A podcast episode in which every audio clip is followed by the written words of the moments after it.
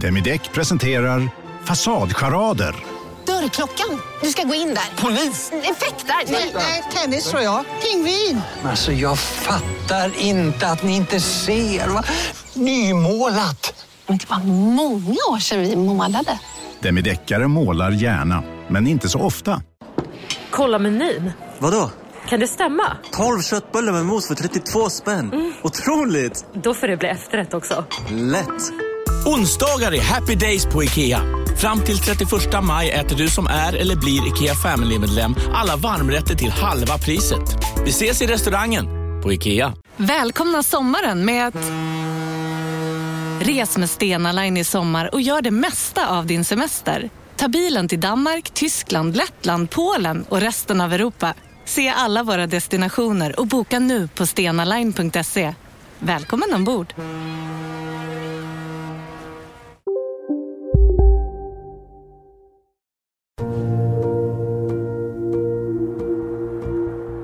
Förmiddagen den 20 november 2017 ekar skott på Bällstavägen i Mariehäll i Bromma. En Toyota med tonade rutor jagar i hög fart en ensam förare i en ljusgrön Volvo S40. Ut från vänstra baksätets fönster hänger en maskerad man med automatvapen. Han skjuter besinningslöst. Och då så hör jag något eh, ganska kraftigt pang, eller flera. Men jag hör dem inte framför mig, utan jag hör dem bakifrån. Patronhylsorna från Kalashnikoven faller i jämna salvor mot asfalten innan Volvon slutligen kör rakt in i ett betongstaket. När jag har gått eh, längre fram, typ eh, 20 meter, så ser jag att det står en bil vid eh, vägkanten på vänster sida från där jag kommer, mot Sundbybergs centrum, som ryker. Vid trottoaren står en övergiven barnvagn. Pappan har lyft ur sin dotter och instinktivt flytt till en innergård. Nu ligger de bakom ett betongfundament och har ingen aning om var de just hamnat i. Det vet inte heller det vittne som är först på plats vid vad han fortfarande tror är en olycka. Jag insåg att det var en ganska allvarlig krock eh, som var medvetslös och det var blod fast eh, jag tror inte det då kopplade huvudet att han blivit skjuten än. Mordet är det senaste i en infekterad konflikt mellan två grupperingar i Bredäng och i Östberga. Enligt polisen har den pågått i över fem år. Den 28-årige föraren som nu hänger framåtlutad mot krockkudden uppburen av bilbältet pekas ut som en ledande gestalt i Bredäng. Idag åtalas sju personer för ett uppmärksammat mord i Bromma förra året. Ett halvår senare väcks ett ovanligt åtal mot sju personer kopplade till det så kallade Östberganätverket. De sju personerna sägs utgöra hela den kriminella kedjan. Från de som ska ha beställt mordet till medhjälpare och till den som avlossat det dödliga skottet. P4 Stockholm. Att åklagaren nu kan väcka åtal tyder på att polisen har lyckats kartlägga och frihetsberöva den grupp som tros ligga bakom det som polisen betraktar som ett regelrätt beställningsmord i den undre världen.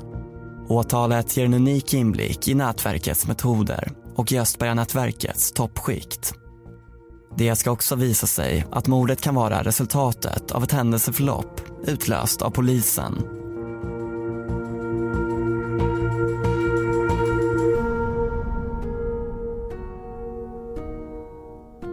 Du lyssnar på en mörk historia om Östberga-konflikten och jag heter Karl Fridsjö. Eftersom några av de händelser som tas upp i serien än idag är ouppklarade och inte lett till fällande domar är vissa namn fingerade och vissa röster förvrängda. Del 1 handlar inte om territorium.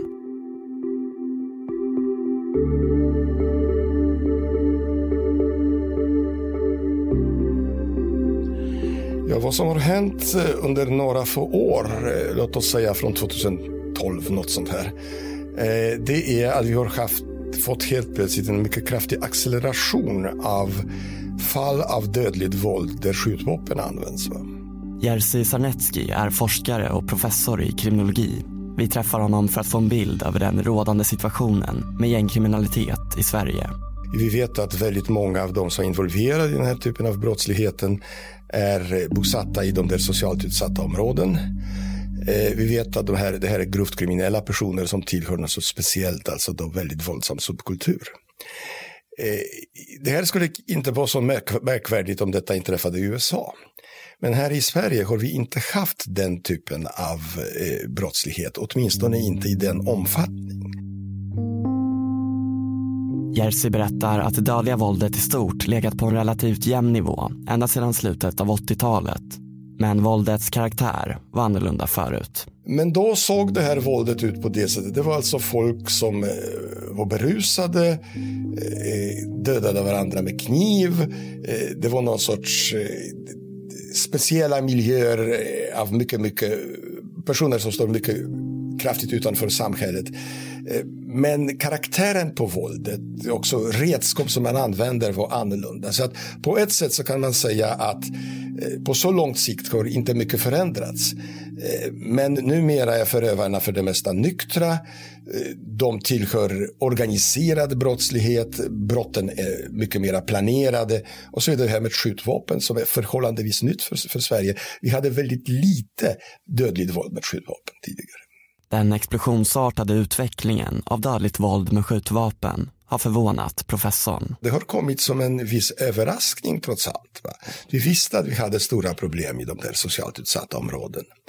Men eh, den där den eskalationen av våldet som helt plötsligt inträffar, det var alltså något eh, som ingen egentligen förväntade sig. Va? Eh, vi i Sverige har förhållandevis låg eh, brottslighet när det gäller dödligt våld. Eh, under senaste decennier har det dessutom minskat mycket kraftigt och helt plötsligt den här explosionen av mycket speciell sorts dödligt våld. Så att eh, det var allvarligt och det är också allvarligt därför att, att, att det, det, blir så politiskt känsligt så att säga när sånt här helt plötsligt inträffar. Så det är ju på politisk agenda nästan överallt. Östberga ligger bara några kilometer söder om myllret från Stockholms innerstad. Ett stenkast från flera välbärgade områden, Årstafältets kolonilotter och golfbana. För de flesta är det ingen känd plats, men läget i Östberga beskrivs idag som allvarligt. Framförallt i området Östbergahöjden, ett parallellsamhälle där grundläggande rättigheter står under hot av en liten grupp kriminella. I Östberganätverket så har man ju en, en toppen och ledande i det här Det är ju en, jag ska inte säga en familj, men det är i alla fall fyra bröder som har varit drivande och ledande och är fortfarande den absoluta ledardelen i det här. Rickard Hugosson arbetar som beredare på Operation Max vid grova brottsenheten i Stockholm syd. Ja, syftet med den är att komma åt, få bort vapen, få bort handgranater, få ner antalet skjutningar och ja, få stopp på de här gängkonflikterna som sker, eller finns över hela, hela Stockholm egentligen. Rickard är en av dem som arbetat längst med konflikten mellan Östberga och Bredäng. Han beskriver sig själv som en spindel i nätet med stor personkännedom. Hans arbete består av att kartlägga och sammanställa information från spaningar, hemliga tvångsmedel och annat underrättelsematerial i syfte att komma åt kärnan i brottsligheten. Det handlar mycket om att jobba kanske mot ekonomin framför allt, som är en väldigt central del i alla sen, kriminella nätverk. Det är drivkraften för alla de här individerna. Om får man inga pengar för det här, då tror jag inte att det är någon som skulle tycka att det var speciellt roligt. Utan det handlar om att man, man kan göra bra pengar om man jobbar sig uppåt i hierarkin. Precis som för de flesta kriminella gäng så kretsar ekonomin i Östberganätverket mycket kring narkotikahandel till viss del utpressningar och bedrägerier. Men den stora inkomstkällan skulle jag ju säga, det är ju narkotikadelen. Och det är, det är ju gemensam nämnare på nästan alla kriminella nätverk som man tittar på. Så är det ju narkotikan som renderar mycket pengar. Så är det. Nätverkets innersta krets utgörs enligt polisen bland annat av fyra bröder. Idag finns bara två fortfarande kvar i livet. På Östbergahöjden manifesterar sig hierarkin nästan visuellt. I toppen av det högsta betonghuset nyttjas flera lägenheter som mötesplats och bostad för ledande individer. Fönstren lämnar fri sikt över torget nedanför där pojkar springer ärenden. Men väldigt många timmar av dygnets timmar så, så är det yngre individer och framförallt de här springpojkarna liksom, som har koll och meddelar uppåt direkt det händer någonting. Punkthuset cirklas in av en väg som bara lämnar två in och utfarter från området. Om vi åker upp med, med polisbilar så jag tror ju att alla vet om det innan vi ens har nått upp till torget. Liksom. Det går väldigt fort. Det sprids väldigt fort. Så det är framförallt de här yngre eh, individerna. individerna. Det är liksom deras litet jobb de har. Och sin uppgift. Hålla koll på området, se till så att det inte kommer upp några fienden eller poliser. Vi har flera ärenden där det kommer upp bilar som åker upp. Man åker lite för snabbt. Det är en bil som individerna inte känner igen. Jag tror att vi har fyra tillfällen när man har skjutit mot bilar. Vår arbetshypotes är ju att det är för att de inte känner igen de här bilarna. De är oroliga vilka det är. Då skjuter man mot dem. Det är nog en förort i mängden, men det som är lite unikt med Östberga är ju ändå att den är geografiskt ganska liten stadsdel. Så det är ganska lätt att ha den där kontrollen när man bor längst uppe på toppen. Jonas är också polis och arbetade många år bland annat som spanare i Östberga vid en särskild spaningsenhet fokuserad på organiserad brottslighet. Nu var det de, de vi uh, hade som tongivande individer när jag jobbade där var ju, de bor ju i det högsta huset längst upp så det var ju som ett litet örnnäste där uppe som vi kallar det. De hade ganska bra koll på bilar, inpasseringar, utpasseringar och så vidare. Under sin tid i Östberga kunde Jonas se hur nätverket påverkade samhället och inte minst de ungdomar som växte upp i området. Uh, växte man upp i Östberga då um, som ungdom och redan hade hamnat lite snett så var det ganska lätt att sugas in i den här miljön och nätverket runt de här individerna. Det är svårt att ta sig ur det när man bor mitt i det. Det finns inte så många andra alternativ som kanske accepteras av eh, de här eh, personerna som, som försöker få in, få in ungdomarna i det också. Som springpojkar eller doers, alltså utförare av olika saker. Det är svårt att stå emot det tror jag, när man mm. växer upp där. Det är lätt för dem att ta till dem, för de är väldigt lättledda, lätt manipulerade och de eh, söker någon form av bekräftelse. Det är som vilken gruppering som helst egentligen. Får man den Eh, och sen med lite press och hot på det också, då är det jättesvårt att inte göra som man blir tillsagd. Jonas och kollegornas arbete bestod i att kartlägga gängen och försöka plocka bort individer ur den kriminella miljön. Ett varierat arbete som kräver tid. Ja, men alltså ena dagen kunde man ju eh, spana och nästa dag så kanske det var så att man gjorde olika besök, letade upp eh, de här individerna då som vi eh, prickade som särskilt brottsaktiva i de här nätverken, tongivande roller. Där de kunde tänkas befinna sig och det kunde vara precis överallt egentligen.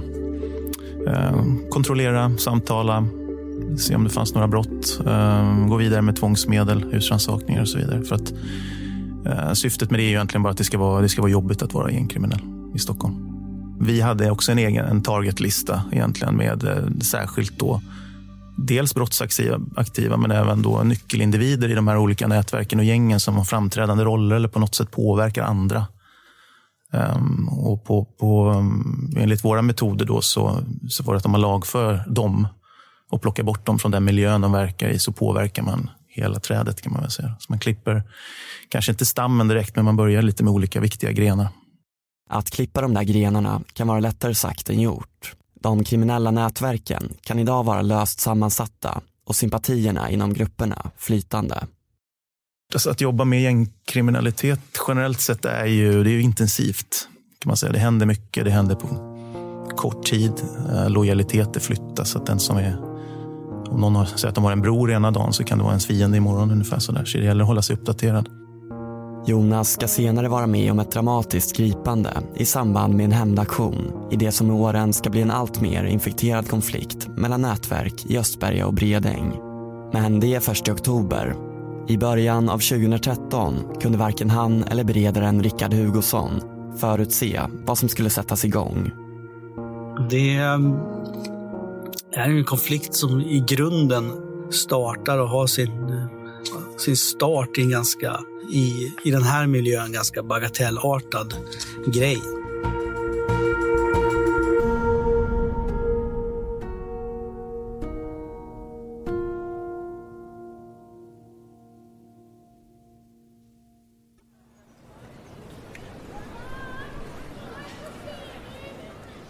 Ja, jag står där och väntar och det var ganska många människor på perrongen. Det är en tidig sommarkväll i juni 2013 och Malin är på väg hem från ett frilansuppdrag i Bredäng. Jag hade varit i Bredäng en gång tidigare, bara snabbt. Eh, men det är inte alls ett område jag känner, känner känner till på något sätt. Så jag hade varit där på en, eh, en 60-årsfest och fotograferat. Och jag minns att det var en fin sommardag eh, med många kontraster. Plötsligt hörs sex höga smällar. Alltså jag minns att jag sa till människor på stationen att, som blev panikslagna sa att det, men det, är ingen, det är ett skämt det här. Paniken sprider sig på perrongen. Men Malin är fortfarande övertygad om att rädslan är överdriven. Det måste vara ett skämt. Bara någon som avfyrat ett gäng fyrverkerier. Eh, och sen så skrek folk att nej, det är inget skämt. Eh, och sen så såg jag då själv att det inte var något skämt eftersom det var en person som låg och var skjuten och människor som skingrades ifrån den personen. Eh, ganska långt ifrån mig. Från den upphöjda tunnelbaneperrongen som blickar ut över ett fält och en gångtunnel ser Malin och de övriga resenärerna hur en grupp män skingras och flyr åt olika håll. Bakom sig lämnar de en svårt skadad man skjuten med flera skott i båda benen. Det blev väldigt stissigt och människor blev väldigt eh, brydda såklart. Och, eh, och sen så, sen så vet ju inte jag, alltså själva händelseförloppet tidsmässigt, hur fort det går för folk att förstå att det som har hänt har hänt, det vet jag inte ens för mig själv. Jag minns bara att det var någon som informerade mig om att det är inget skämt. Och när det väl går upp för Malin att det inte är något skämt, det är allvar, förstår hon att hon måste göra något. Ja, jag reagerade väldigt märkligt just eftersom jag ens fick för mig, alltså jag vet ju inte ens hur jag tänkte eftersom vad skulle skämtet ha legat i att det skulle ha smält? Det vet jag, alltså det fattar jag inte själv men eh, sen när jag fattade att det var allvar så då blev väl jag också lite halvt panikslagen men väldigt liksom, vi, nu måste vi ringa någon och larma och att ta det beslutet och ringa in det där larmsamtalet är något som Malin senare kommer ångra att hon gjorde. Alltså det var ju, allt det där gick väldigt fort. Ifrån att jag trodde att det var någonting annat till att jag förstod att eh, någon hade blivit skjuten. Det gick ju jättefort. Och anledningen också till att jag förstod var för att jag hade en eh, man bredvid mig på perrongen som han var tvärsäker på att eh, det var någon som hade blivit skjuten. Under tiden som Malin står i kö för att komma fram till larmcentralens operatör börjar hon prata med en man som bara minuter tidigare gått förbi gångtunneln där den skottskadade mannen nu ligger. Det är gäng, förklarar han för henne. Och han hade ju sett de här människorna på nära håll och han förstod redan när han gick förbi dem att eh, det, är någon, alltså det är en hotfull situation här, det är någonting som håller på att hända. Han hade gått igenom två klungor på väg till tunnelbanan och sett de här människorna. Jag var ju ganska upptrissad också av det här och jag, då kom jag ihåg att jag sa till honom att men då måste du ringa. Jag har inte sett någonting, jag kan inte komma med någon information om vilka som har gjort det här. Då måste du ringa och han sa bara rakt av absolut aldrig i livet att jag tänker ringa. Alltså han var väldigt allvar, allvarsam och samtidigt väldigt lugn och det kändes märkligt hela situationen för det var ungefär, han sa att jag har en flickvän i Bredäng och jag tänker inte riskera någonting överhuvudtaget. Det här är farliga människor. Nere vid gångtunneln anländer de första poliserna. De ska senare sända ut ett signalement på två gärningsmän. En klädd i shorts och grå huvtröja med svart tryck på ryggen. Den andra i vit t-shirt och svart keps. Runt den svårt skadade mannen har ett 30-tal personer samlats och uppe på perrongen har den värsta chocken lagt sig. Alltså det var inte så upprört som man skulle kunna, eller som jag skulle kunna eh, gissa mig till att det skulle vara efter en sån här sak, utan det kändes liksom oroligt på, på perrongen, men inte så att eh, någon eh, visade väldigt mycket att den var skärrad eller sådär, utan det var liksom en märklig stämning faktiskt. Mm. Och många liksom gick på sina tåg och åkte. Och... Malin sätter sig också på tåget för att ta sig hemåt. Hon vill inte stanna kvar. Det känns inte säkert. Men hon kan inte släppa mannen som hon mötte på perrongen. Bara på Storytel. En natt i maj 1973 blir en kvinna brutalt mördad på en mörk gångväg. Lyssna på första delen i min nya ljudserie. Hennes sista steg av mig, Denise Rubberg. Inspirerad av verkliga händelser. Bara på Storytel. Om en yogamatta är på väg till dig, som gör att du för första gången hittar ditt inre lugn och gör dig befordrad på jobbet men du tackar nej för du drivs inte längre av prestation. Då finns det flera smarta sätt att beställa hem din yogamatta på. Som till våra paketboxar till exempel. Hälsningar Postnord. Dåliga vibrationer är att skära av sig tummen i köket. Ja! Bra vibrationer är att du har en tumme till och kan scrolla vidare. Få bra vibrationer med Vimla.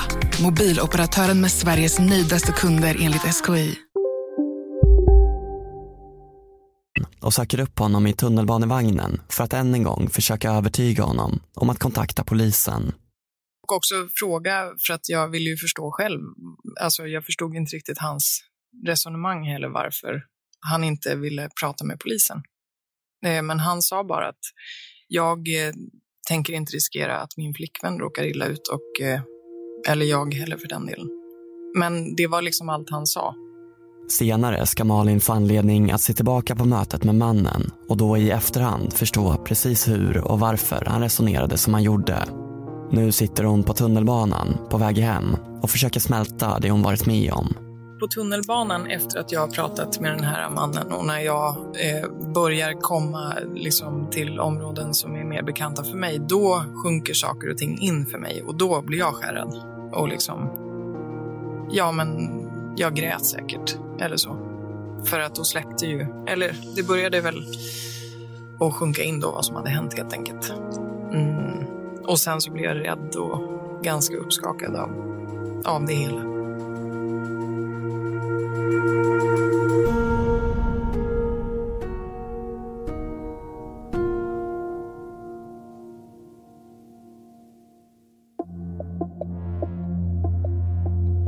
2013 vid den här tiden så var det inte så mycket prat om Bredängsnätverk och Östberganätverk. Utan här kändes det mer som att att man hade, vi hade inte från polisens sida börjat prata om nätverk på det sättet. Liksom. Lite grann, men inte lika ut, som, utstuderat som det är nu.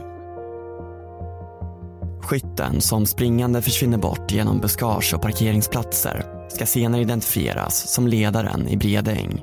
Samma man som fem år senare påträffas i en kvaddad bil på Bällstavägen med en Kalashnikov-kula i ryggen.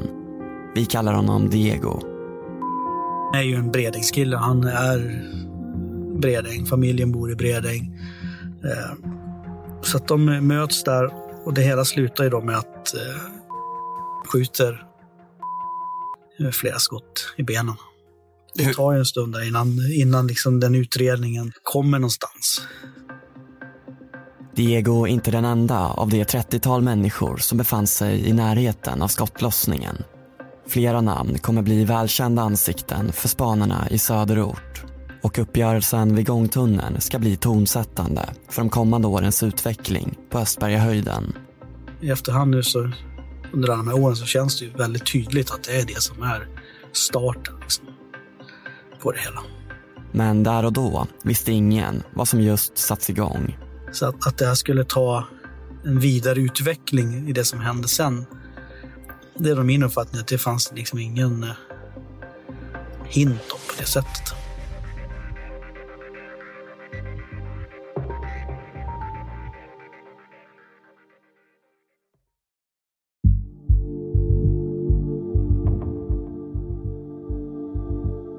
Dagen efter skjutningen åker polisen till Karolinska sjukhuset för att i lugn och ro prata med den unge mannen som träffats av sex skott en ljus sommarkväll med massvis av vittnen i närheten. Mannen berättar att han var ute på en promenad men han kommer inte ihåg vart han var på väg, varifrån han kom, om han hade sällskap med någon eller vem som sköt honom. Den klassiska tystnadsgrejen. Alltså man är rädd för att men skulle han prata med polisen så är han nog rädd att det, vidare, alltså det ska hända ännu mer. Han har blivit skjuten. Det, det sätter nog skräck i de allra flesta. Från polisens sida så var det ganska uppenbart vem som hade gjort det här. Men att det gick inte att komma vidare för målsäganden målsägaren som var där, han ville inte medverka, han ville liksom inte berätta det här. Tre månader senare är en hundägare ute och promenerar i närheten av Örbyskolan. Det är helg och strax efter midnatt. En bildörr öppnas.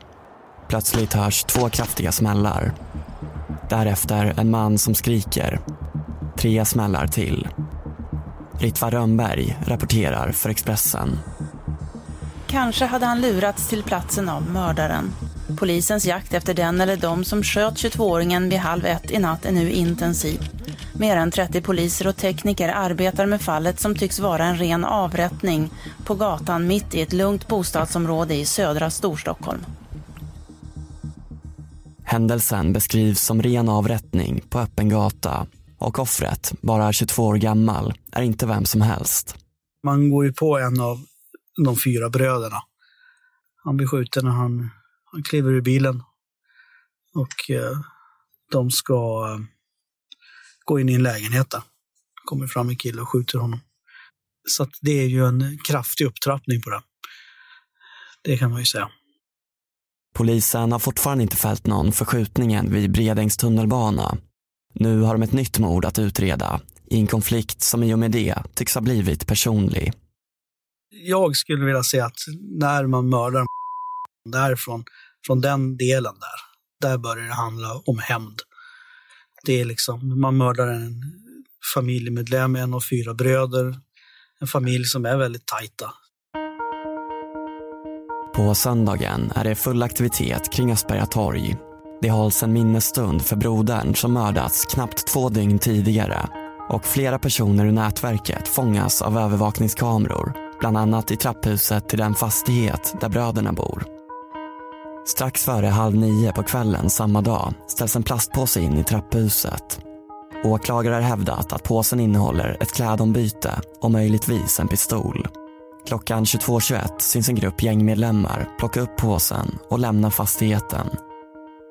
20 minuter senare, 800 meter därifrån, har ytterligare en ung man mist sitt liv. P4 Stockholm. Ja, det har varit en omtumlande och sorgsen helg för många boende här i Östberga och Örbyområdet. Eh, jag står utanför en videobutik här på Stamgatan 2. Och det var här utanför som en 25-årig man sköts till döds igår kväll någon gång mellan 22 och 22.30. Och det här är andra dödsskjutningen i området under bara den här helgen. Och det här väcker tankar och känslor hos de boende. Han blir eh, ut, ditringd av, av en kille i tron att han ska komma dit på någon form av möte. Uh, han kommer upp dit, han skjuts, man flyr på moped och lite olika håll därifrån. Senare ska en, enligt Rickard Hugosson, ledande toppgestalt som lockade offret till platsen dömas till tio års fängelse för medhjälp till mord. Offret är ingen framträdande person i Bredäng. Det finns olika teorier, men det är, det är fortfarande teorier. Liksom, att varför han, just han som blir skjuten och mördad. Man kan ha olika åsikter om det är en del i, i konflikten, men hela grejen då, att det är så tätt inpå, det är, för min del så är det väldigt uppenbart att det har med konflikten att göra. Jag tror kanske aldrig vi får veta exakt varför det var han som blev skjuten. För att det var ingen jättetydlig koppling. Det var ingen så här riktig Bredängskille som... Han skulle aldrig, någon från Bredäng skulle aldrig åkt upp till Östberg utan han var bekant med de här. Så att för han var det nog inget jättekonstigt att komma dit på det här mötet.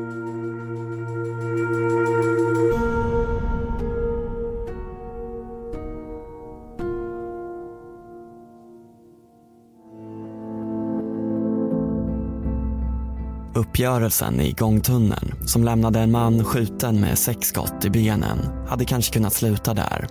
Men tre månader senare utreder polisen redan två mord som båda misstänks ha sin upprinnelse i skotten vid Bredängs tunnelbana.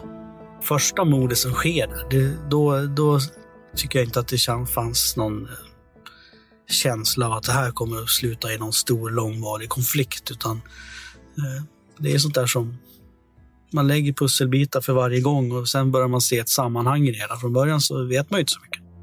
Brodern som avrättades på öppen gata i Örby var en nära vän till mannen som sköts vid Bredängs tunnelbana och var också med vid gångtunneln när skotten avlossades. Kanske är det därför som mannen efter tre månader av tystnad till slut väljer att berätta för polisen vad som hände kvällen då han blev skjuten. Det är ett stort brott mot etikett. Alltså det, det är ju... Så gör man ju inte. Och det slutar ju, renderar ju med att eh, får ganska långt fängelsestraff ändå. Fyra och ett halvt år tror jag han döms till. Um, jag har inte hört så mycket att det skulle liksom vara fortfarande vara ett snack om det här. Men de närmsta tiden där så finns en anledning varför han måste hålla sig borta och försvinner från området sen. Mannen identifierar personen som sköt honom som Diego, en Bredängskille och hans vän sedan flera år. Diego har anklagat honom för att ha stulit ett litet parti kokain till ett värde av 25 000 kronor. Och den där kvällen i juni har de bestämt träff för att lösa det som mannen menar bara är smutskastning. Min uppfattning var väl inte att var så mycket knuten åt Östberga till då. Han var ju en Bredängskille egentligen. Men han hade sina vänner i Östberga. Vid träffen deltar ett antal personer, de flesta med kopplingar till antingen Bredäng eller Östberga. Och även om det, enligt Rickard Hugosson, ännu inte är vattentäta skott mellan grupperingarna här, så väljer man nu tydligt vilken sida man står på i konflikten om de försvunna drogerna. Det är flera av de här som ingår i de här olika nätverken. I Bredäng som har kopplingar egentligen till Östberga. Vissa tror jag till och med har bott i Östberga en gång i tiden. Men att man någonstans här väljer väl sida vilken, vart man ska stå. Stämningen blir snabbt aggressiv, berättar mannen för polisen. Och efter en stund bestämmer man att han och Diego ska gå åt sidan för att göra upp på egen hand. De går ner i gångtunneln, pratar en stund. För ett kort ögonblick tittar mannen tillbaka mot de övriga. När han vänder tillbaka blicken ser han hur Diego springer mot ett elskåp. Diego rycker loss en fasttejpad pistol och riktar den mot mannen. De pratar en stund till, nu under vapenhot. Plötsligt avlossar Diego i tät följd sex skott som alla träffar i benen. Mannen faller omkull medan Diego flyr från platsen. Diego ska senare dömas till fyra och ett halvt års fängelse för grov misshandel, mycket på grund av mannens vittnesmål. Det är klart, alla de här små grejerna bygger ju på konflikten såklart. Han berättar för polisen vad som har hänt, vilket renderar att en av de ledande individerna i Bredäng blir frihetsberövad och sedan döms för, för det här. Det underlättar ju inte konflikten i alla fall. Alltså jag tänker så här att om man skjuter någon på helt öppet eh, fält på vad som kändes som blanka ljusa dagen för att det var sommar och klockan var åtta, så tänker jag att då mm, är man väl benägen till allt möjligt. Malin, som blev ett av många vittnen till uppgörelsen, gjorde det hon tyckte var självklart när hon hörde skotten. Hon ringde till SOS Alarm, uppgav sitt namn och såg till att den skottskadade mannen fick hjälp. Sen när polisen kontaktade mig efter det här, för där på tåget så förstod jag inte att jag skulle tvingas att vittna, eh, utan jag hade ju gjort mitt genom att ringa polisen och tala om att någon ligger skjuten tänkte jag då. Eh, men sen informerade de mig om att det, det är så det är, att du måste vittna. Att polisen senare skulle kräva mer av henne hade hon inte räknat med. Och jag ville inte vittna och jag förklarade att så här kan vi inte ha det. Man kan ju inte tvingas vittna emot. Det här är ju farliga människor. Jag vill inte råka illa ut. När polisen förklarar för Malin att hon faktiskt inte har något val, hon är enligt lag skyldig att vittna, blir rädslan hos den 40-årige mannen, som hon förgäves försökte övertala att kontakta polisen på tunnelbanan, plötsligt begriplig. Då förstod ju jag hans reaktion. Och frågan är om jag hade gjort på samma sätt. Eh, om jag hade förstått att jag var tvungen att möta de här människorna i, i rättssalen. Det är inte säkert. Malin för långa diskussioner med polisen. Och då försökte jag många gånger få till så att jag skulle kunna vittna anonymt eller någonting sånt för att jag ville verkligen inte till rättssalen. Men det, det var jag tvungen och så frågade jag men om jag vägrar, vad händer då? Ja, då, då eh, blir du straffad. Enligt Malin visar polisen hon pratar med förståelse för hennes oro, men de förklarar att det tyvärr inte finns något de kan göra. Deras diskussioner leder ingenstans. Jag kommer ihåg att de motiverade tvånget att vittna med att hur skulle det se ut? Tänk dig själv om du blir anklagad för någonting och sen har du ingen möjlighet att veta vem det är som har anklagat dig för brottet. Kommer jag ihåg att de sa och jag kommer ihåg att det var bland det mest befängda jag har hört. Särskilt i det här fallet. Så där är ju någonting jag tycker inte riktigt håller i, i systemet. Jag kan verkligen förstå att om jag anklagar dig för att ha rånat mig eller dragit kniv mot mig eller någonting annat så kan jag se just eh, att det kan vara läge att jag tvingas vittna och vara öppen med att det är jag som vittnar om det. Men inte i det här fallet. Till slut tvingas Malin inse att hon ändå kommer att behöva vittna i tingsrätten framför de påstådda gärningsmännen. Jag var faktiskt livrädd för att vittna. Därför att det sjönk in också mer och mer vad det var. Alltså hela... Ja, jag kan inte beskriva det på något annat sätt än att jag var rädd. Jag ville inte vittna.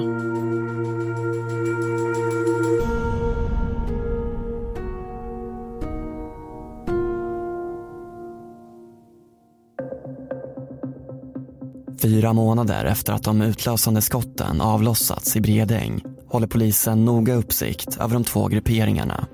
Vi höll det väldigt sannolikt att det kom, skulle bli några hämndaktioner. Vi visste ju att det fanns ett hämndbegär här.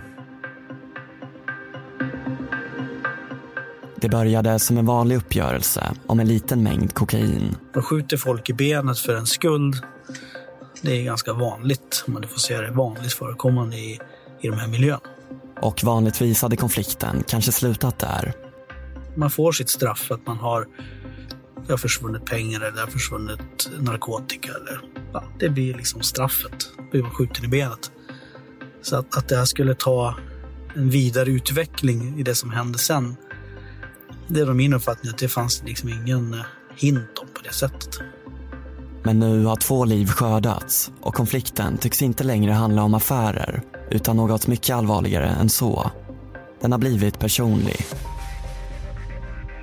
Och vid nästa våldsdåd kommer polisen ligga steget före. Det handlar inte om territorium eller det handlar inte om makt utan det här handlar det är ju personliga grejer. Det här handlar ju liksom om heder. Och då, då kommer det inte bara sluta. Det fortsätter ju att rulla på. Och eftersom det upptrappas upp så, ja, så Mm. vet jag inte riktigt när det ska sluta.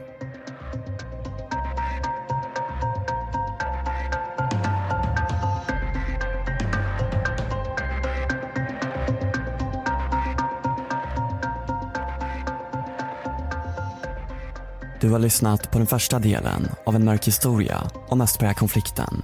Du som prenumererar via Acast Plus kan lyssna direkt på alla delar i nästa avsnitt. Eh, Vi hade några olika radioapparater med, så man ligger på olika talgrupper när man arbetar beroende på vilken insats man är i. Men då gick det ut på en annan talgrupp att det hade varit en skjutning i Bredäng ungefär eh, när vi var på väg åt det hållet. Polisen 112. Jag blir ute skjuten. Jag åker i bilen. Jag blir jagad. Jag har fått flera skott mot bil. Ingen har blivit träffad, men är helt söndersladdad. Där var ju fast beslutad om att han, vi skulle stoppa honom. Sen är det ju bara frågan om hur och, och när då.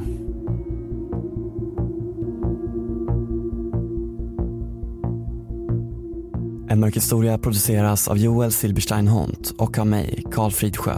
Temamusik Ola Tappert på underton. Övrig musik Epidemic Sound. Distribution Acast. Tryck på prenumerationsknappen i din podcastspelare så att du får en notis om nya avsnitt. Eller följ länkarna i avsnittsbeskrivningen till våra sociala medier. Tack för att du har lyssnat.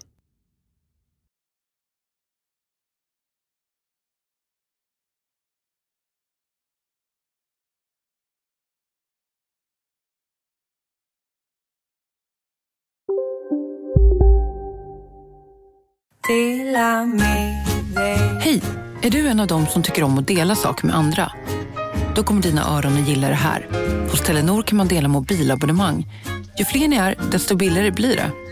Skaffa Telenor familj med upp till sju extra användare. Välkommen till någon av Telenors butiker eller telenor.se. Här sitter jag i en ljudstudio tillsammans med ett sjölejon för att berätta att McDonalds nu ger fina deals i sin app till alla som slänger sin takeaway förpackning på rätt ställe. Även om skräpet kommer från andra snabbmatsrestauranger, exempelvis Eller till exempel... Ja, precis. Hej, Susanne Axel här. När du gör som jag och listar dig på en av Krys vårdcentraler får du en fast läkarkontakt som kan din sjukdomshistoria. Du får träffa erfarna specialister, tillgång till lättakuten och så kan du chatta med vårdpersonalen.